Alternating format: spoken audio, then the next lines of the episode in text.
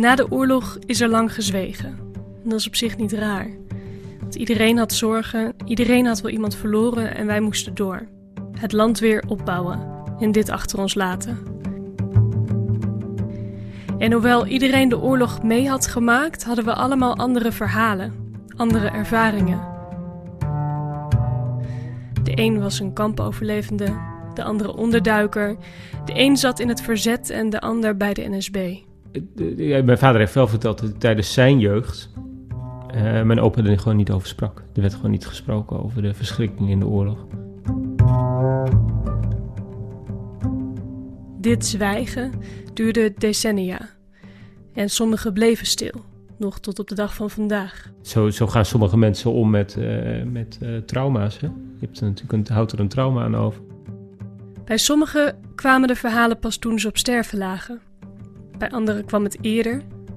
En ik denk dat een ieder zich nog dat moment kan herinneren dat er begonnen werd met vertellen. De eerste keer dat ze hoorden wat hun familie echt had meegemaakt. Toen in de oorlog. Wat pa of ma had beleefd. Of opa en oma. En ik denk dat hij het verdrongen heeft. Uh, en, en, en ja. Ja. De gelukkigen onder ons vertelden erover en deelden hun verhaal. Soms aan een dochter of zoon, soms aan de partner en soms, dat was toch makkelijker, aan een onbekende.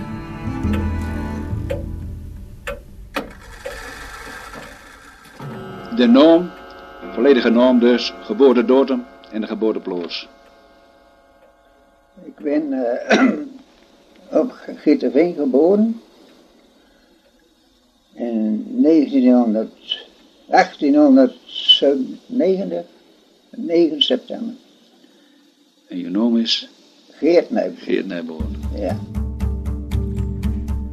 Dit is De Hilte Elf, een vijfdelige podcast van Drents Archief en RTV Drenthe, waarin we het verhaal vertellen over een Drents boerengezin tijdens de Tweede Wereldoorlog.